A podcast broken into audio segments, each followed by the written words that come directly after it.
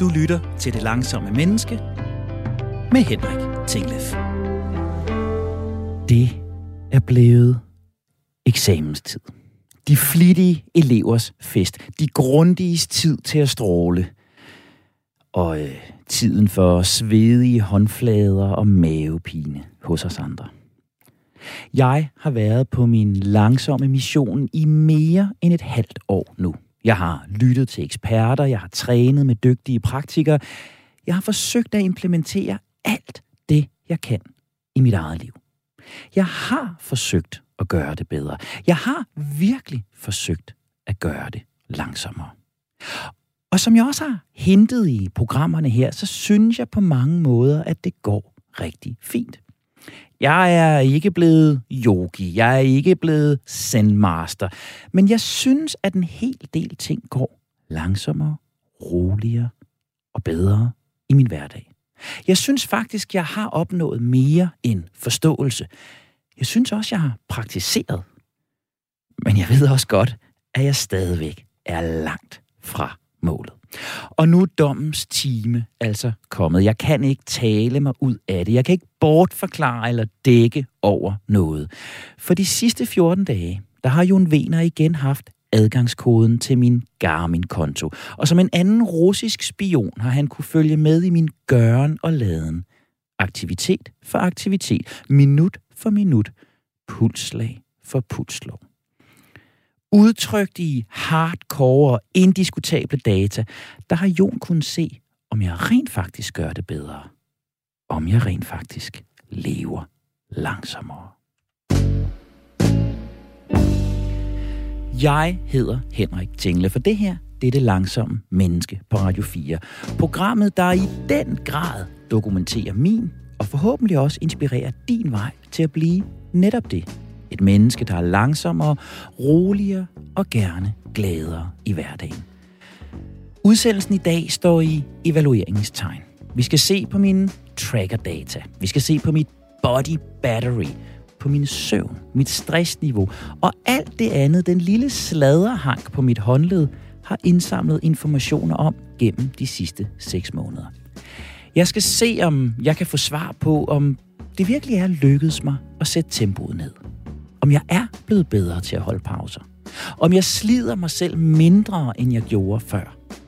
Og om alt det, jeg bilder mig ind, jeg gør bedre, rent faktisk også virker. Og jeg har jo allerede afsløret, hvem der skal hjælpe mig i dag. Det er en god ven af programmet, Jon Sigurd Vener. Velkommen til. Det er dejligt at have dig med igen. Tak skal du have, Henrik.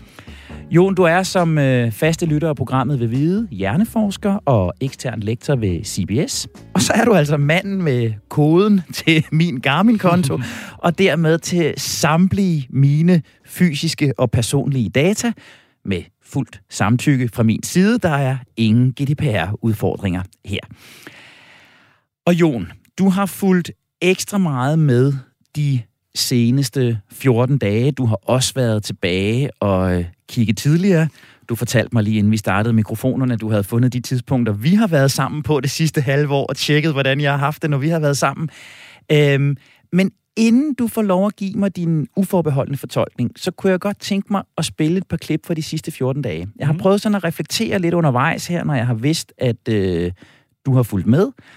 Og helt ærligt, jeg har faktisk været ret nervøs for det her. Mm. Så øh, nu får du lige en, øh, en reportage fra, da, da det hele startede her. Tak. Ja, tiden tigger. Det er blevet tid til at gøre status. De næste 14 dage, der øh, følger Jon ekstra meget med i min gøren og laden. Følger med i de data, der kommer fra, fra den tracker, jeg har på min arm. Er jeg god til at holde pauser? Er jeg mindre stresset, end jeg var for et godt et halvt års tid siden? Kan jeg bedre mærke, hvornår jeg er stresset, og hvornår jeg ikke er stresset? Hvornår jeg har det godt? Hvornår jeg bør stoppe op? Jeg synes jo, det går rigtig meget bedre på rigtig mange områder, men jeg ved også, at det er to intense uger, der ligger foran mig. Jeg har et bogmanus, jeg skal aflevere lige om lidt. Der øh, skal virkelig leveres noget. Jeg har en del oplæg, jeg skal holde. Jeg har en del radio, jeg skal lave. Det bliver 14 dage, hvor der faktisk er en hel del knald på. Så det er jo på den ene side altid mulighed for at vise, hvad jeg har lært. På den anden side alle tiders mulighed for at gennemfejle i det her projekt. Men det er det, der er rammerne. Det er det, der er virkeligheden.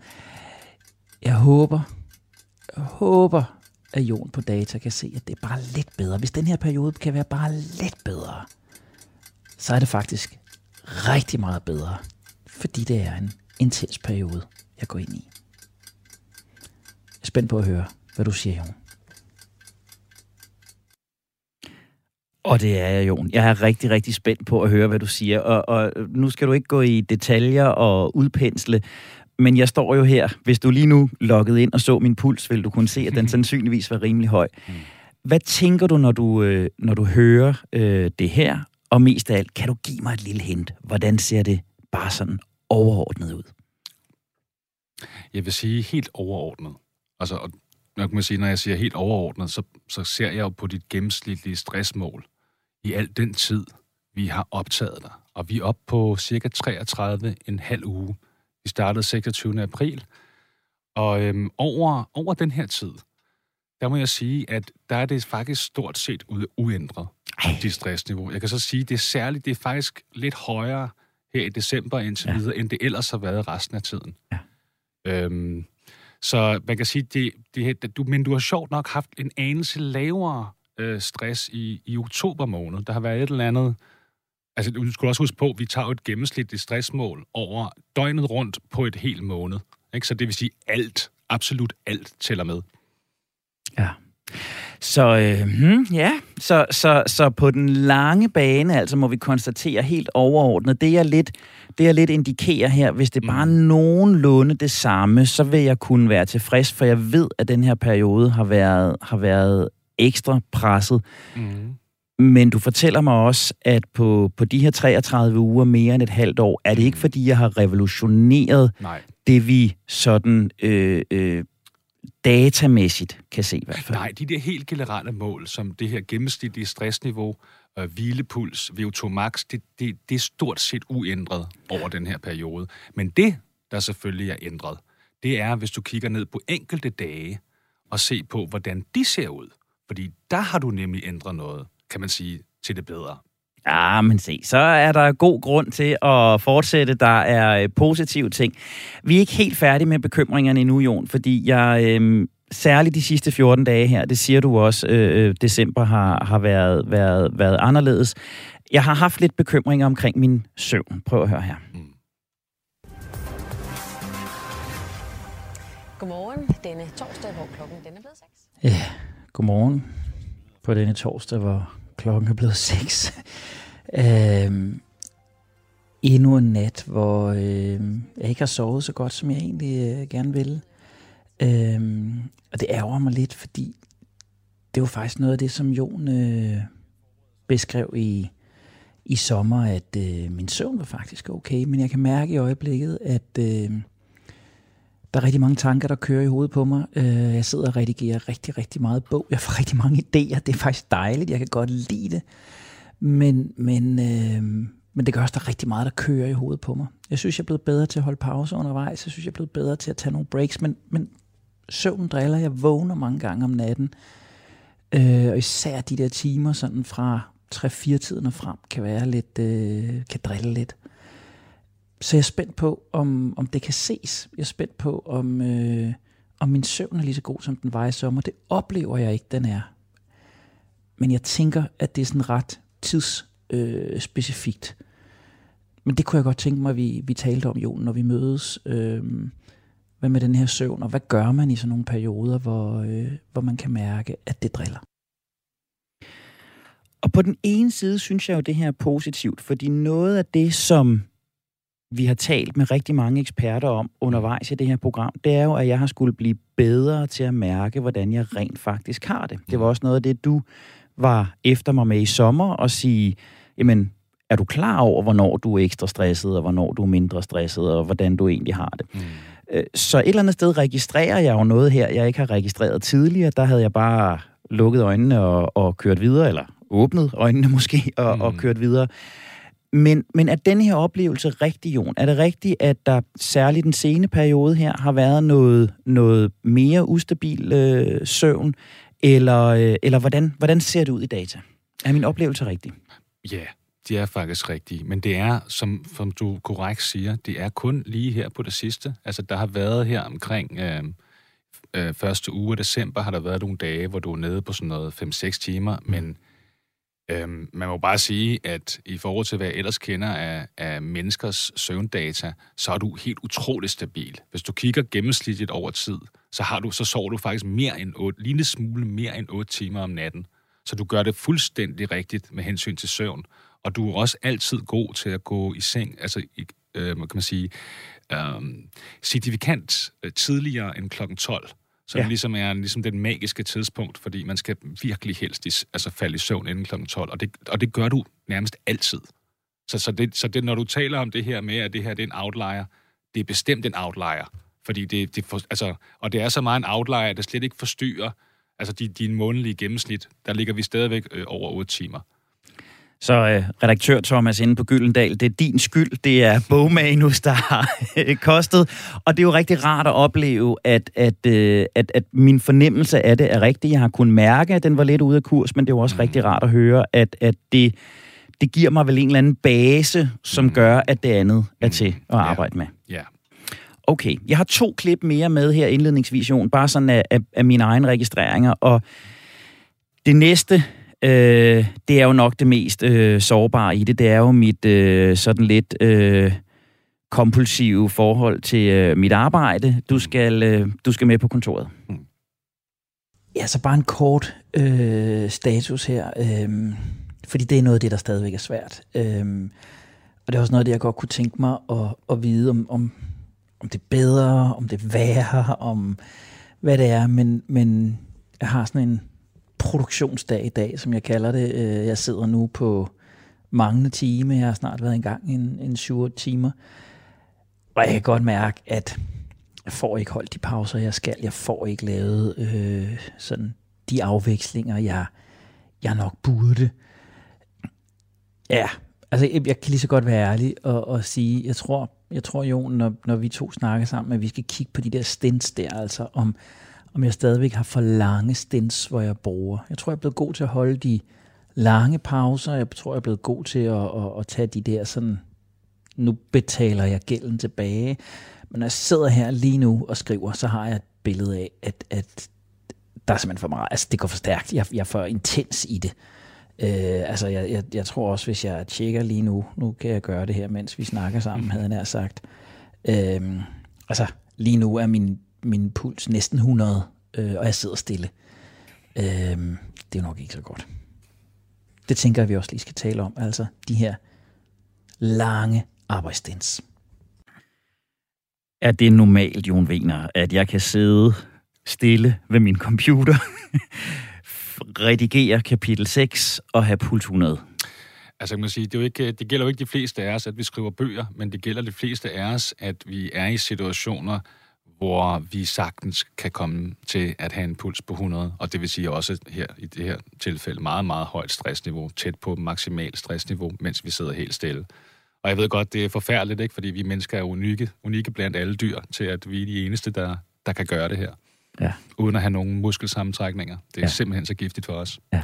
Og Henrik, lige for at sige, det er, at jeg nævnte jo før, øh, det der med, at du var nemlig blevet bedre til at tage pauser, men men du har stadigvæk det, det, det samme, kan man sige, nogenlunde samme høje gennemsnitlige stressniveau. Så en ting, jeg vil sige, det er, at det, jeg tror, du udnytter de her pauser til, det er til at arbejde ekstra hårdt. Det vil sige, hvis du ikke havde holdt de her pauser, så ville du sådan set arbejde mindre, mindre hårdt.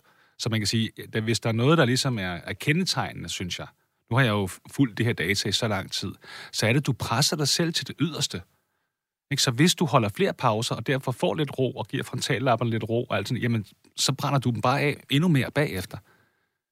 Så jeg, øh, jeg sparer op for at købe mere kage, eller ja.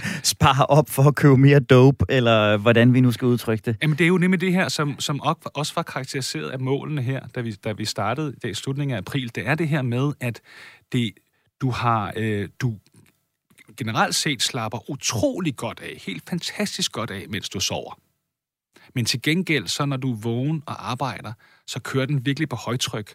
Så det her såkaldte body battery, som ligesom går fra 5 til 100. Jeg tror, de har sat den leverst på 5, fordi folk måske troede, de var døde, når de var på 0. Og det der med, det er jo, når, når det her body battery, som primært er øh, tracker, kan man sige, stressmålet, ikke? Når, når du ligesom er flatliner, og det er det, du når. Det vil sige, du kan nå op helt op på 100 nærmest i din søvn. Så helt fantastisk, helt fyldt op. Og så kan du simpelthen nå helt ned og flatline det, inden du falder i søvn igen. Så du når ned på 5, og så vil den altså ikke gå under. Ikke?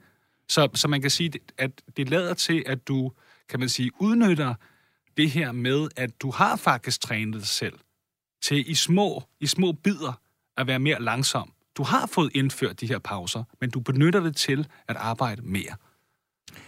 Oha, jamen det er, øh, det er hårde ord, Jon, men, men det, er jo ikke, det, er jo ikke, det er jo ikke ord, der på, på den måde øh, overrasker mig, øh, desværre.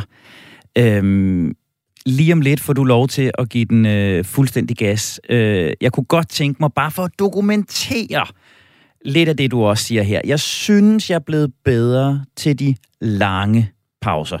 Øh, det lavede jeg et, øh, et lille klip på forleden dag. Lukaku.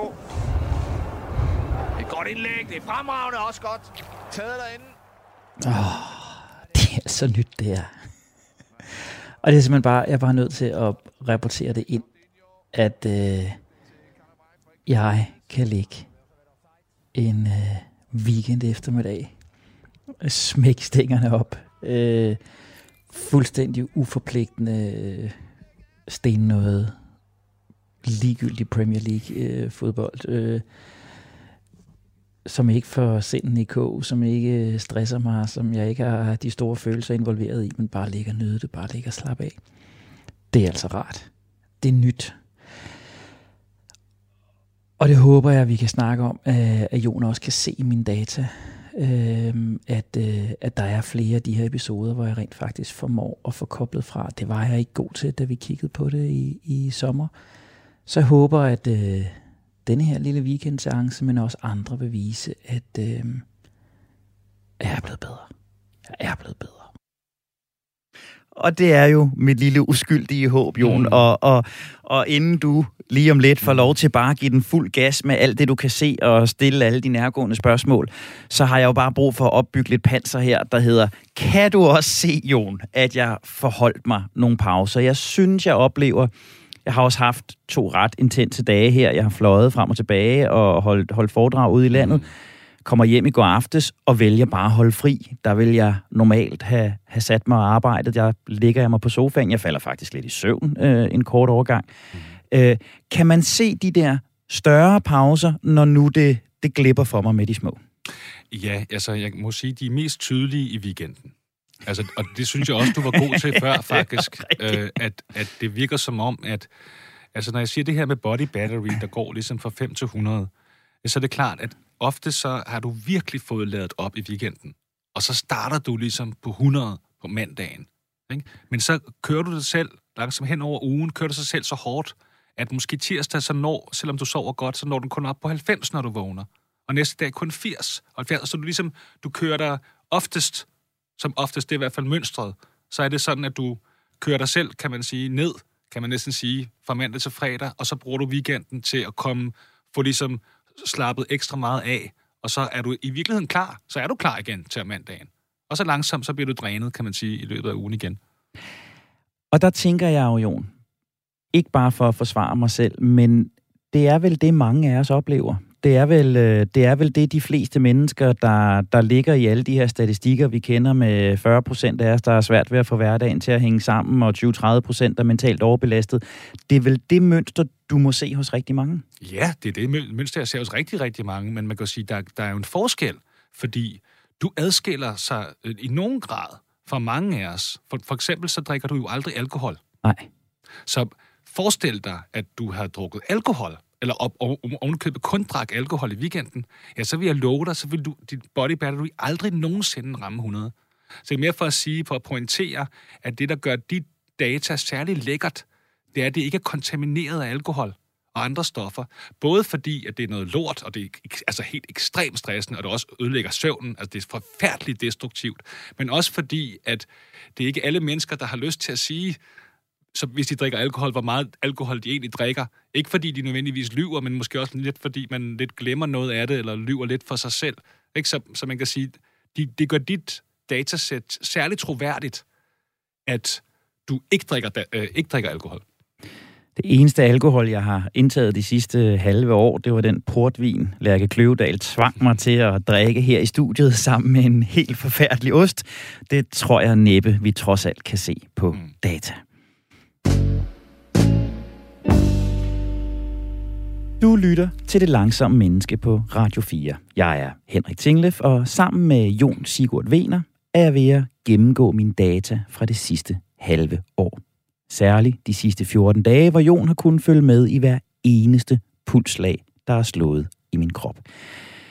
Den umiddelbare dom har været, at den har levet op til mine forventninger. De bekymringer, jeg har haft om de udfordringer, der har været, har Jon indtil nu bekræftet mig i. Men ikke mere forsvarstale fra mig. Nu er det tid til, at du sådan set bare kan give den gas, Jon. Jeg ved ikke, hvad der skal ske de næste små 30 minutter. Du må tale, du må spørge, du må udfordre. Det eneste, jeg kan sige, det er, Jon, hvordan ligger landet for det langsomme menneske en spe? Ja, allerførst, fordi øh, jeg kunne sige, at jeg tilstræber, jeg tilstræber jo videnskabelighed det er i godt. denne undersøgelse. Det er selvfølgelig umuligt at, at, at, at få perfekt videnskabelighed her, men jeg tilstræber det virkelig. Så for det første, hvornår skrev du dine dagbogsnotater? Dem skrev jeg øh, til dels løbende. Øh, Øh, sige løbende en gang om dagen, eller, eller i løbet af dagen, mens du gjorde det? Øh, det har skiftet. Jeg har nogle dage, hvis der sådan har været... Jeg kan huske, jeg har noteret til dig, sådan, at der har været en svær time på et tidspunkt, for eksempel. Ja. At jeg var særlig stresset, da jeg sad og skrev det her, eller jeg havde et møde, som gik mig særlig meget på. Ja. Dem har jeg ret ofte skrevet med det samme, for at huske tidsrummet. Mm. Der, hvor jeg har trænet, har jeg tit skrevet ind med det samme, Mm. mm. øh, for at du ikke skulle tro, at mega høj puls øh, øh, har, har, har skyldtes noget andet. Mm. Og så har jeg nogle gange rekonstrueret om aftenen, eller skrevet om aftenen, og nogle gange har jeg også måttet gå nogle dage tilbage og sagt, hvordan har de sidste dage egentlig set ud. Mm. Okay. Drikker du koffeinholdig kaffe nogensinde? Ja, det gør jeg. Hvor ofte? Øh, det gør jeg hver morgen. Jeg drikker, hvad der vil svare til to kopper kaffe hver morgen. Okay, og ikke, ikke i løbet af dagen så? Ej, sjældent. Okay, fint. Øhm, og det der med, øhm, har du selv kigget øh, på data undervejs? Nej, det Slet har jeg med vilje ikke gjort, fordi jeg var bange for, at det ville øh, sådan kontaminere min øh, adfærd og få mig til at, øh, at, at gøre andet, end, end, end det, jeg intuitivt ville gøre. Og det er perfekt, det er lige efter bogen. Øhm, og så kan man sige, det vil sige, du har heller ikke ladet dig lokke af Garmin's gamification eller noget som helst af de her ting, som, som Garmin ellers prøver at lokke dig til at interagere med dem. Ikke det mindste. Suverænt. Så du har virkelig brugt øh, armbåndet, kan man sige, eksemplarisk. Netop ved, ved ligesom at nærmest at ignorere det så godt som muligt. Det har jeg i hvert fald forsøgt. Ja, perfekt. Okay. Øhm, så kan man sige, at, at hvad med din motion? Fordi der er nogle af de her spændende ting, som vi ser, det er, at du får sådan set ikke særlig høj puls, når du dyrker motion. Du kan tit dyrke motion i ret lang tid ad gangen, men mm. Du, du kommer ikke særlig højt op Nej. I puls. Og du har nemlig det her relativt lave VO2 max stadigvæk, som vi også så dengang. Har du, øhm, løber du nogensinde? Nej, jeg cykler. Det er spændingscykel, det der. Øh, øh, jeg løber ikke. Det er sådan noget med metal i ryggen og sådan nogle ting, der gør, Ja. at jeg ikke gør det. Øhm, og de løb, de, de motionsdata, du har i den her periode, har nok nærmere været tænkt som øh, rekreativ motion end som træning. Mm. Altså, det har været antistress-strategi, at nu skal jeg bare have rørt mig, nu skal jeg sådan lige mærke, at kroppen kan noget andet end at tænke, nærmere end det har været med, med formforbedring for øje. Ja, jeg kan se også, at du har dyrket lidt mindre motion. Lidt Ja, det- intensitet her de sidste par måneder. Ja, det har jeg. Jeg har styrketrænet mere, end jeg har, har cyklet. Ja. Okay, yes. Okay, og så vil jeg lige spørge, fordi jeg sagde jo det her med, at dit overordnede, kan man sige, stressniveau helt over månederne ikke rigtig har ændret sig. Der er noget, der tyder på, at du sådan set har netop benyttet de her ekstra pauser, som du kunne holde i løbet af dagen, til muligvis at faktisk at præstere mere, end du ellers ville have gjort, hvis du ikke havde holdt pauserne. Ja. Hvad er det, du gør i de her pauser, Øh, typisk? så lidt som muligt. Hvad betyder det? Jamen, det betyder i virkeligheden, at målet om, målet som jeg nok havde tidligere og stadigvæk har om at finde noget, der kan være rekreativ aktivitet, altså ligegyldig aktivitet, øh, det er jeg ikke rigtig lykkedes med. Øh, så, så jeg er blevet, blevet bedre, synes jeg, til at, at, at kede mig, lade stå til. Altså, øh, jeg tror aldrig før, jeg bare har siddet i i min lænestol og kigget ud i stuen og lyttet til en podcast eller lyttet til noget musik. Det har jeg gjort i denne her periode.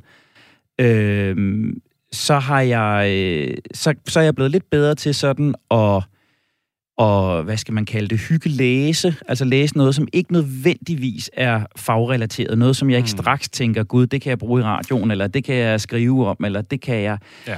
Øh, så, så det er sådan ret, øh, ret stillesiddende, øh, nu, nu er jeg bare. Okay, det er fordi, det, det er nemlig, da jeg kiggede på data, så tænkte jeg, ah, hvad er det, han gør lige der, i de der pauser? Fordi det, som mange mennesker faktisk gør, det er, at de går på toilettet. Også på arbejdet. Ja. Fordi når du er ude på toilettet, så har du ligesom helle, Ja. og så har du låst dør. Ja. Og, og ofte der, der kan man sige, selv hvis man rigtig skal på toilettet, når man er på toilettet, så er det næsten en form for mindfulness. Ja. Ikke? Så med bare for at sige, det, det er så ikke det, øh, i hvert fald ikke typisk i de tilfælde, at det er toiletbesøg. Det er simpelthen et, et, øh, en pause, hvor du aktivt, kan man sige, bruger din kognition til at tænke, nu, nu beslutter jeg mig for at holde en pause Ja, og det, komme ned i tempo. det er meget mekanisk på den måde. Ja, det er og, det. og det er målet. Det Ja. er at langsomt altså, komme ned i tempo. Det er fuldstændig rigtigt. Ja, okay. Jamen, det er...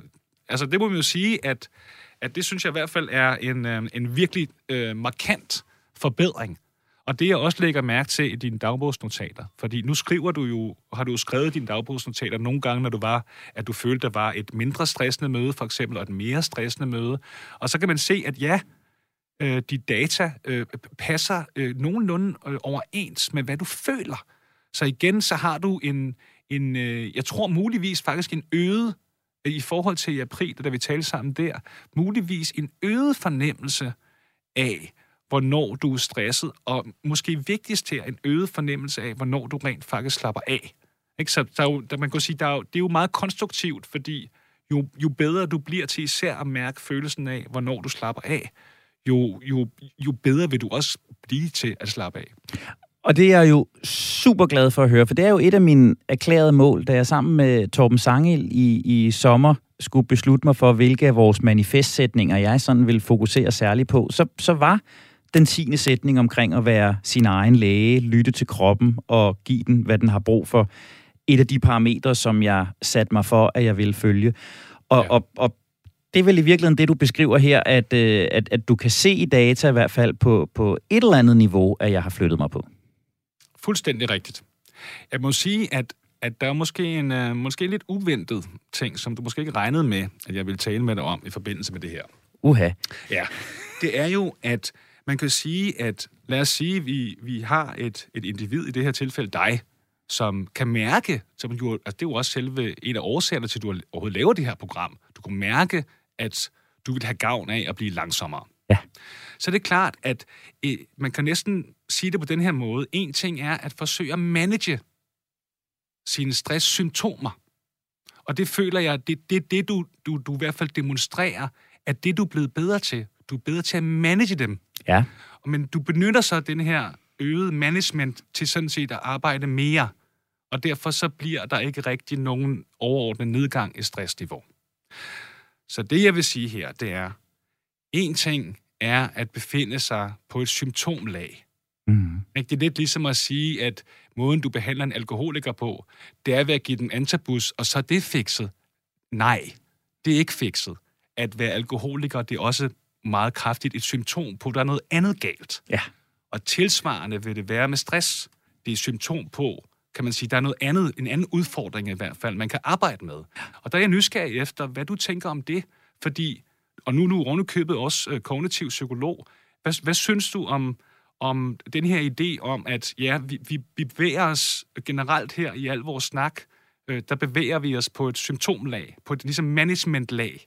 Men hvad med årsagerne nedenunder? Der, hvor man virkelig kan gøre noget ved selve den årsag til, at du benytter dig pauserne til at arbejde mere. Jamen, øh, det, det, øh, det tænker jeg jo flere ting om. Jeg tænker ud fra mit eget perspektiv, så tænker jeg, at øh, det er jo i virkeligheden noget af det, som øh, Louise Brygner også påpegede i, i, i, i sine undersøgelser, øh, da vi indledte programudsendelsen her. Hun stillede jo det meget rammende spørgsmål, øh, hvem er du, når du ikke arbejder? Øh, det havde jeg ikke noget svar på. Øh, det har jeg nok stadigvæk ikke rigtigt.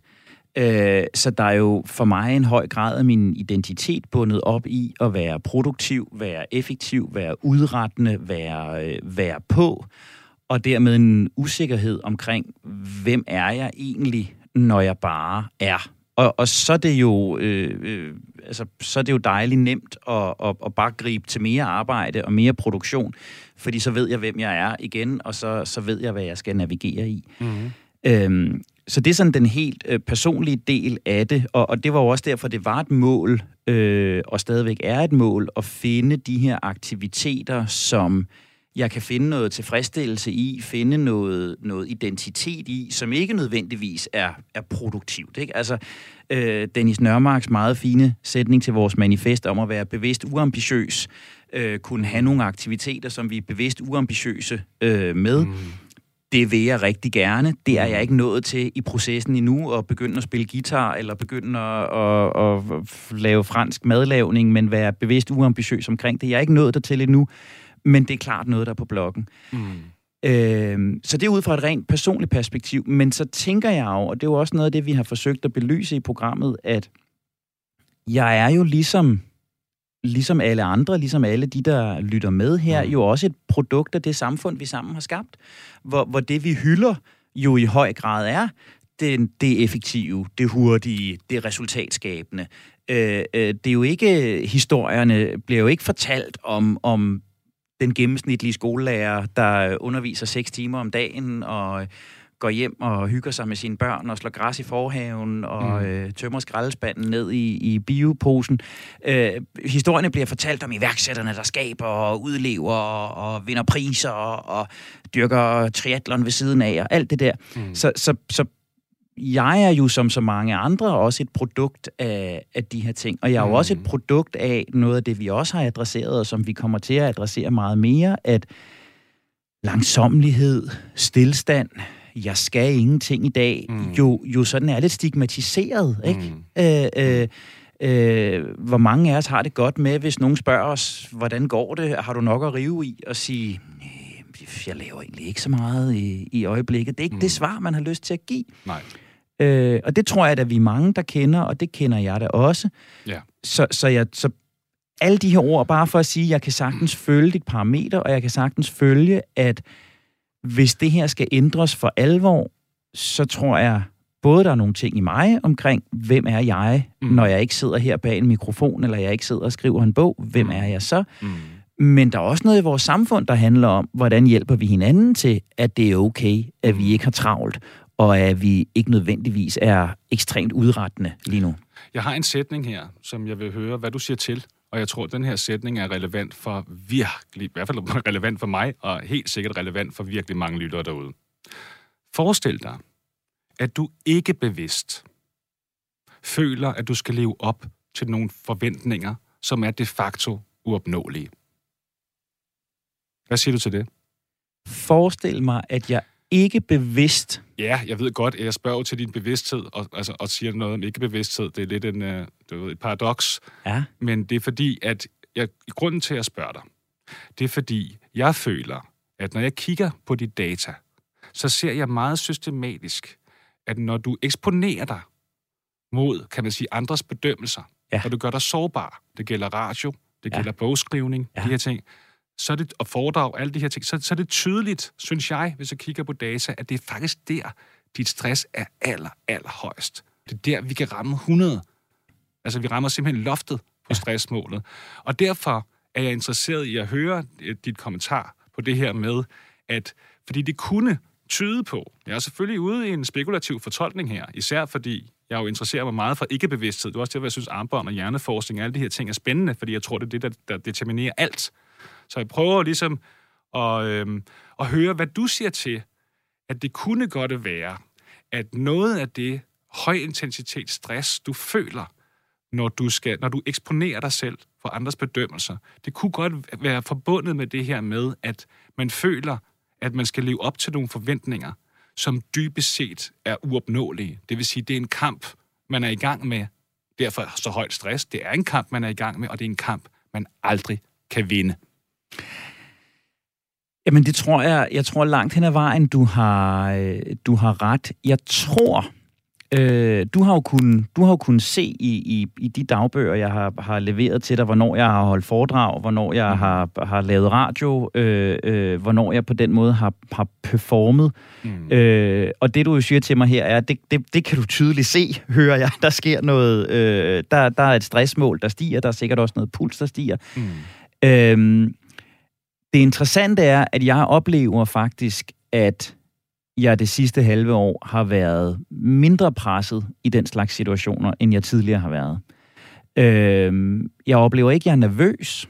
Øh, jeg oplever ikke, at jeg er, jeg oplever ikke, at jeg er bange.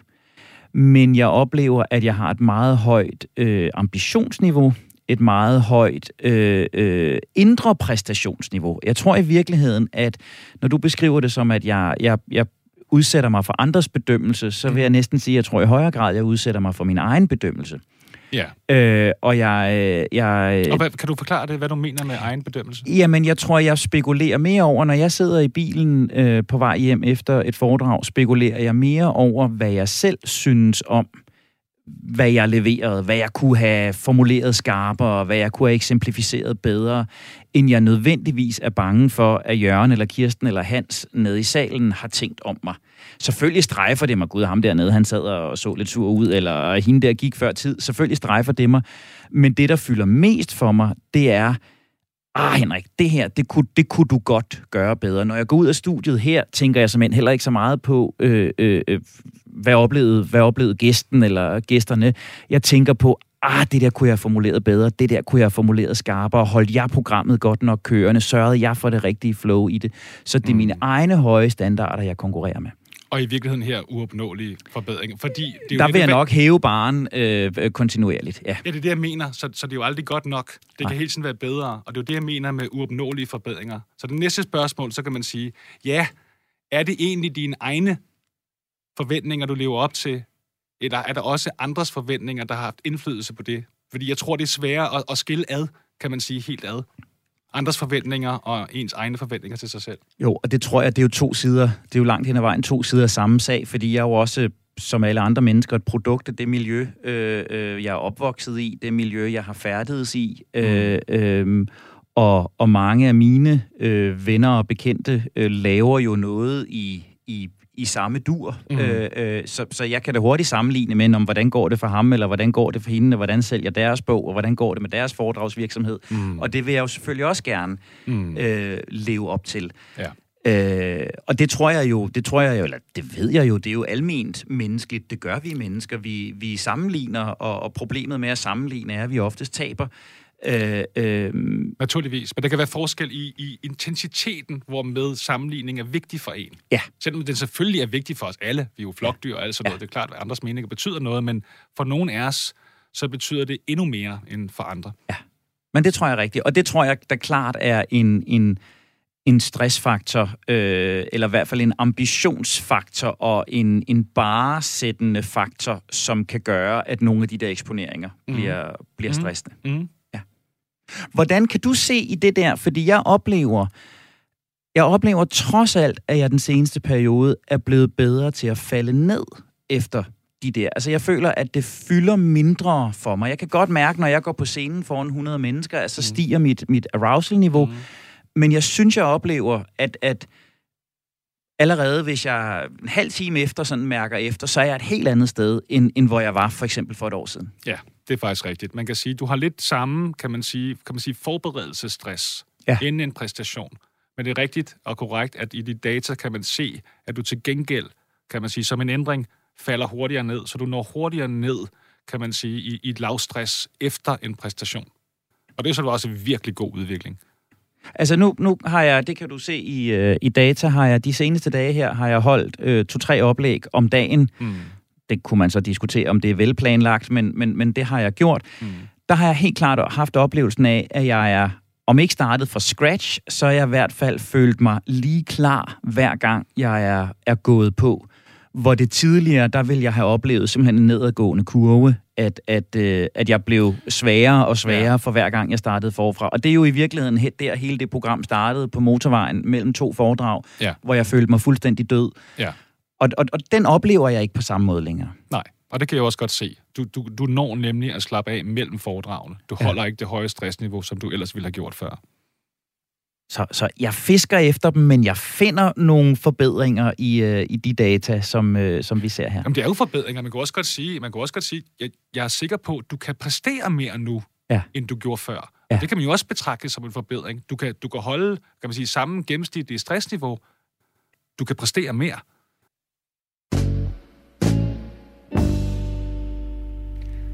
Du lytter til Det Langsomme Menneske på Radio 4. Jeg hedder som altid Henrik Tingle, og med i studiet er hjerneforsker, hjerneekspert og manden med koden til min Garmin-konto, Jon Sigurd Vener. Jon, vi har øh, sammen kigget både på min indledende forsvarstale i forhold til, hvad jeg øh, på forhånd var bekymret omkring. Du har stillet nogle øh, nærgående spørgsmål til, øh, hvad jeg tænker om de data, du kan se. Mm. Og på den ene side sidder jeg jo nu lidt med sådan en fornemmelse af, ah, jeg har fejlet, jeg burde have gjort det her bedre. Apropos de ambitioner, som vi lige har talt om, jeg burde have været bedre til at blive langsommere. Mm.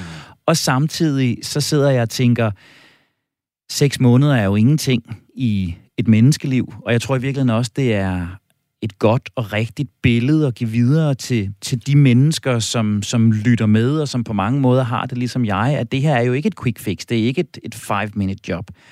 Øhm, men hvis vi nu skulle sådan i optimismens tegn kigge lidt på, hvordan ser det overordnet ud? Altså hvis du skulle give mig et generelt billede af, hvor har der været fremdrift, hvor har der været stillstand de, øh, de sidste seks måneder her? Hvordan vil det sådan ren databaseret se ud? Man kan sige, der har jo været nogenlunde stillstand i dit generelle stressniveau. Der har været stillstand i dit VO2 max. Der har været stillstand i din hvilepuls. Der har været nogenlunde stillstand i, i kvaliteten af din søvn. Øhm, der har været nogenlunde stillstand øh, i forhold til, at, øhm, at du, kan man sige, har den her, øh, at du ofte at du er god til at slappe af i weekenden, og så starter du på, altså på max på mandag, og så langsomt bliver du drænet i løbet af ugen, og så lader du op igen i weekenden. Øhm, og så er der de her jo forbedringer. Og det synes jeg meget markant er, at du er blevet bedre til at holde pauser. Yes! Du, og du er blevet bedre til at mærke, hvornår, fordi jeg kan se, at det var også derfor, jeg spurgte, at du ikke selv havde kigget på data. Jeg kan se, det er jo to uafhængige datakilder, så data og så dine dagbogsnotater. Jeg kan se, at der er kongruens mellem, hvornår du føler dig, at du er særlig stresset eller særlig afslappet, og det er reflekteret i dine data. Det er, det er jeg oprigtigt rigtig glad for. Og så kan man sige, at der er selvfølgelig masser, masser af måder, man kunne forestille sig, at man kunne forbedre det her på. Ja. Og det vil jo netop være mit, mit næste spørgsmål, at sige, hvis, hvis vi nu legede, at det her var første gang, vi sad over for hinanden, og du fik, fik mig ind til dig med, med de her data. Ja. hvor er det så, de lavt hængende frugter, eller de oplagte indsatser, ligger for sådan en som mig, og alle de mange lyttere, der har det helt ligesom jeg. Hvor er det, jeg skal fortsætte rejsen? Ja, man kan jo sige først og fremmest mere, mere mindfulness slash mindlessness. Ikke? Dagdrømmeri, det var det, det, du nævnte, hvor det bliver sådan lidt diffust. Ikke? At det er bare godt. Ikke? Så kan man sige mere specifikt, så nu ved jeg jo, at du, du bor jo uden for byen, Mm-hmm. hvor der jo er grønne områder. Ja. En, en, et forslag vil være, at nogle gange at erstatte øh, kondicyklen. Med et løb i det fri. Ja. Og, og især hvis det er, at du kan komme tæt på noget natur, væk fra biler, øh, fordi så får du, kan man sige, du får både den gavnlige effekt af, at du kommer ud af kontekst hjemmefra, som kan være dejligt. Det, det, det er lidt mærkeligt at sidde i sit arbejdsmiljø, og så sidde på men man kommer ikke rigtig væk på den måde. Du kommer udenfor, Øh, Du kommer ud, og du dufter alle de der lækre molekyler og sådan noget ude i naturen, træerne, som er beroligende for os. Dit, dit blik får også en anden form for ro. Øh, Den rytme, der er, når man løber, som er lidt anderledes, end når man cykler. Og vigtigst af alt måske her, så kommer du automatisk til at få en meget højere makspuls. Mm. Fordi det, det, det sker automatisk, når man løber, som ikke sker på en kondicykel. Og så et forslag ville være, øh, at du en gang imellem løb i stedet for, men du kan sagtens løbe i kortere tid.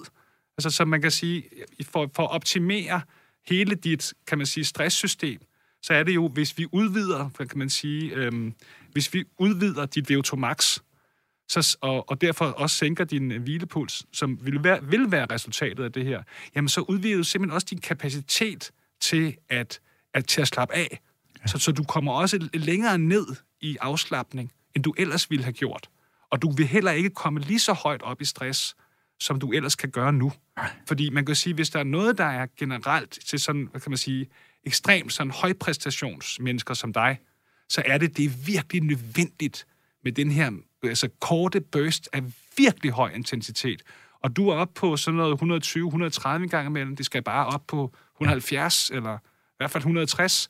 Ikke? Så, så det vil virkelig øh, det vil, det vil gavne dit system. Ja. Så er det klart, at jeg elsker jo det her med at, at tale om årsagerne og gå ned i årsagen. Jeg er sikker på, jeg er helt sikker på, at du, at du stadig vil have gavn af noget terapi i forhold til at prøve at, at, at, at tracke de der følelser, der opstår i de her peak-præstationer, og se, hvad, hvad, hvor, hvor kommer det fra? Er der nogle årsager, det kan ledes hen til, som man eventuelt kan, kan gøre noget ved? Fordi det tror jeg, på lang sigt, så er det selvfølgelig smartere at, øh, øh, at gøre noget ved årsagerne, end at behandle symptomerne. Mm.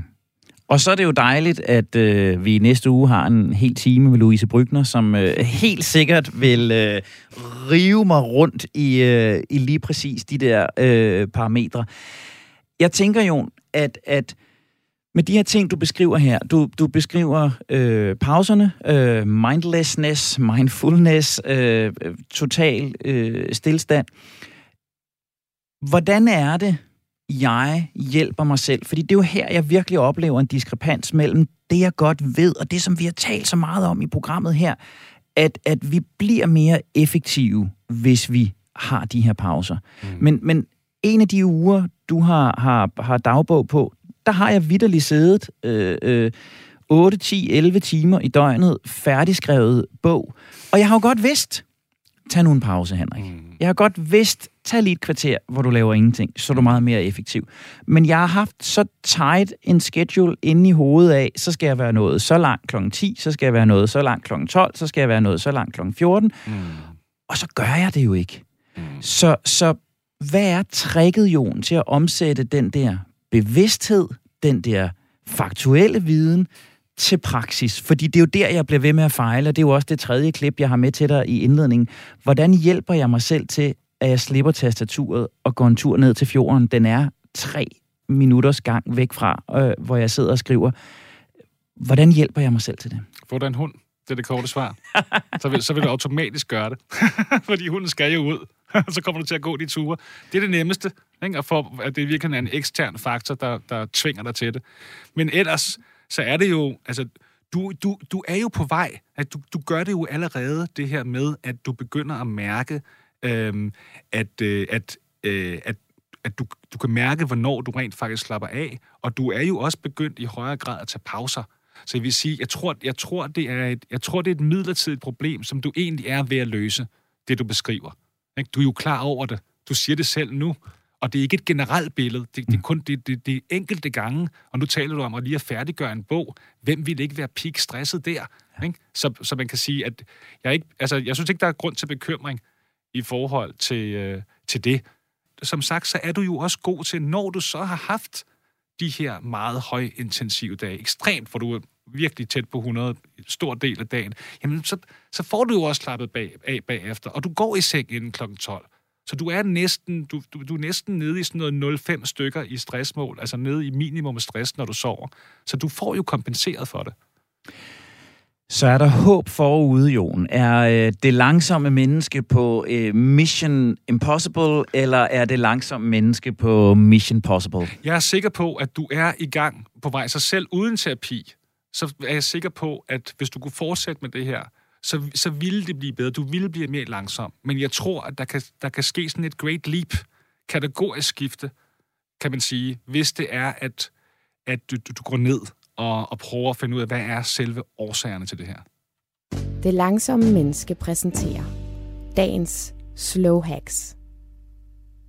Og øh, det er jo den breaker, der fortæller os, Jon, at vi skal til at øh, indkoge magiterningen. Vi skal til at samle det her i øh, det mest konkrete, det mest lavpraktiske, det mest nærliggende, som fra din hånd til mig vil være det, jeg kunne begynde at gøre anderledes, bedre, langsommere allerede i morgen, men som forhåbentlig også kunne være en rettesnor for lytteren, der er i samme eller tilnærmelsesvis samme situation som mig.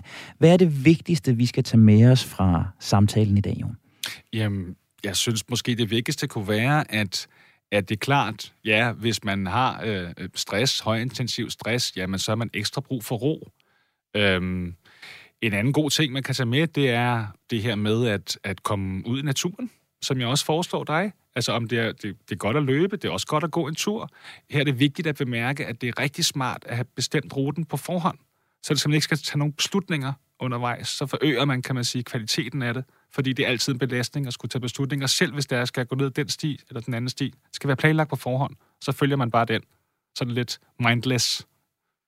Øhm, men altså, der er jo... Øhm, mange råd, man kan tage med sig, ikke? Fordi jeg, jeg ved godt, at vi, vi har talt meget om, om igen, om, om symptomniveauet, og jeg er jo særlig keen på det her med at, at komme ned til årsagsniveauet, fordi at det er jo der, man for alvor ligesom kan ændre noget. Der, der, kan, være nogle, der kan være sådan nogle kampe, øh, grundlæggende kampe, som måske ikke er afsluttet endnu, som, som hvad kan man sige, umærkeligt vil forløse øh, noget af den her stress helt uden nogen form for beslutningstagning. Så hvis vi skal tage dine slow hacks på ja. to niveauer, så er der i virkeligheden en, der hedder kom ud mm. i den friske luft, mm. få taget den planlagte gåtur, så du ikke skal tænke og beslutte dig mm. undervejs. Mm. Den er lige til at gå til. Så er der det andet slow hack, der hedder, hvis det her højintensive arbejde bliver ved, mm. så øh, tag dig selv i nakken. Ja. Øh, og kigge nærmere på, hvad er årsagen til, at det højintensive arbejde bliver ved med at være vigtigt og bliver ved med at være nødvendigt for dig. Ja, og så kan vi også lige sige, de fleste af os bliver jo faktisk ændret først for alvor vaner, når vi virkelig er gået ned, fået et angstanfald, eller altså gået, gået helt ned, kollapset, fordi det er først der, vi finder ud af, at der er noget galt. Så et sidste råd, det er lidt at gøre ligesom dig, Henrik. Det er faktisk at, at prøve at, at, at være opmærksom på det her, inden man går ned med stress, som ellers de fleste gør. Og der er det nemlig et super godt mål, det her med at have sådan et objektivt mål, ligesom armbåndet, du har haft på, som måler ens bev- ikke-bevidsthed, og hvor man kan få et objektivt mål af en stress, fordi så er man virkelig i en situation, hvor man, kan man sige, præventivt kan undgå, at man, kan man sige, rammer muren, så man gør noget ved det, inden det sker. Ja. Mit slow hack, min kondenseret viden fra udsendelsen i dag er i virkeligheden et, øh, et punkt, jeg er rigtig glad for. Jeg er rigtig glad for, at jeg i august måned stod her sammen med Torben Sangil og valgte lyt til kroppen, vær din egen læge, lyt til, hvad kroppen har behov for, og giv den det. Det har jeg forsøgt, det har jeg oprigtigt forsøgt, og jeg hører, at jeg langt fra er i mål, men jeg er kommet nærmere den del af det. Og det er i hvert fald det, jeg vil blive ved med. Jeg tænker, at trackeren her øh, er et, et godt redskab til at få en øget bevidsthed omkring det, sammenligne min oplevelse med, hvad den rent faktisk øh, viser. Men en højere grad af fokus på at lytte til kroppen, mærke, hvad den har behov for, og forsøge at give den det. Mm. Og hvis jeg bliver bedre til det, og gør det oftere, så lover du mig, så er mission det langsomme menneske ikke fuldstændig umulig. Nej, du er godt på vej. Jon Sigurd Vener, hjerneforsker, ekstern lektor ved CBS. Tusind, tusind tak, fordi du vil kigge på mine data, og fordi du vil gå ærligt og hårdt til mig i dag. Selv tak. Det bliver ordene herfra i dag. Der er ikke mere, der kommer ud af min mund. Heller ikke flere hardcore data. Husk, at du altid kan hente Det Langsomme Menneske på podcast, der hvor du henter dine podcasts, eller finder os i Radio 4-appen. Har du input, kommentarer eller interessante vinkler på langsomlighed, vi skal kigge nærmere på, så kan du som altid skrive direkte til redaktionen på langsom radio4.dk. Programmet her er produceret af Only Human Media. Tak, fordi du har investeret både din tid og din opmærksomhed i os. Jeg hedder Henrik Tinglef, og hvad end Puls, Body Battery og alt det andet siger, så klør jeg på. Langsomt, naturligvis. For jeg vil være det langsomme menneske.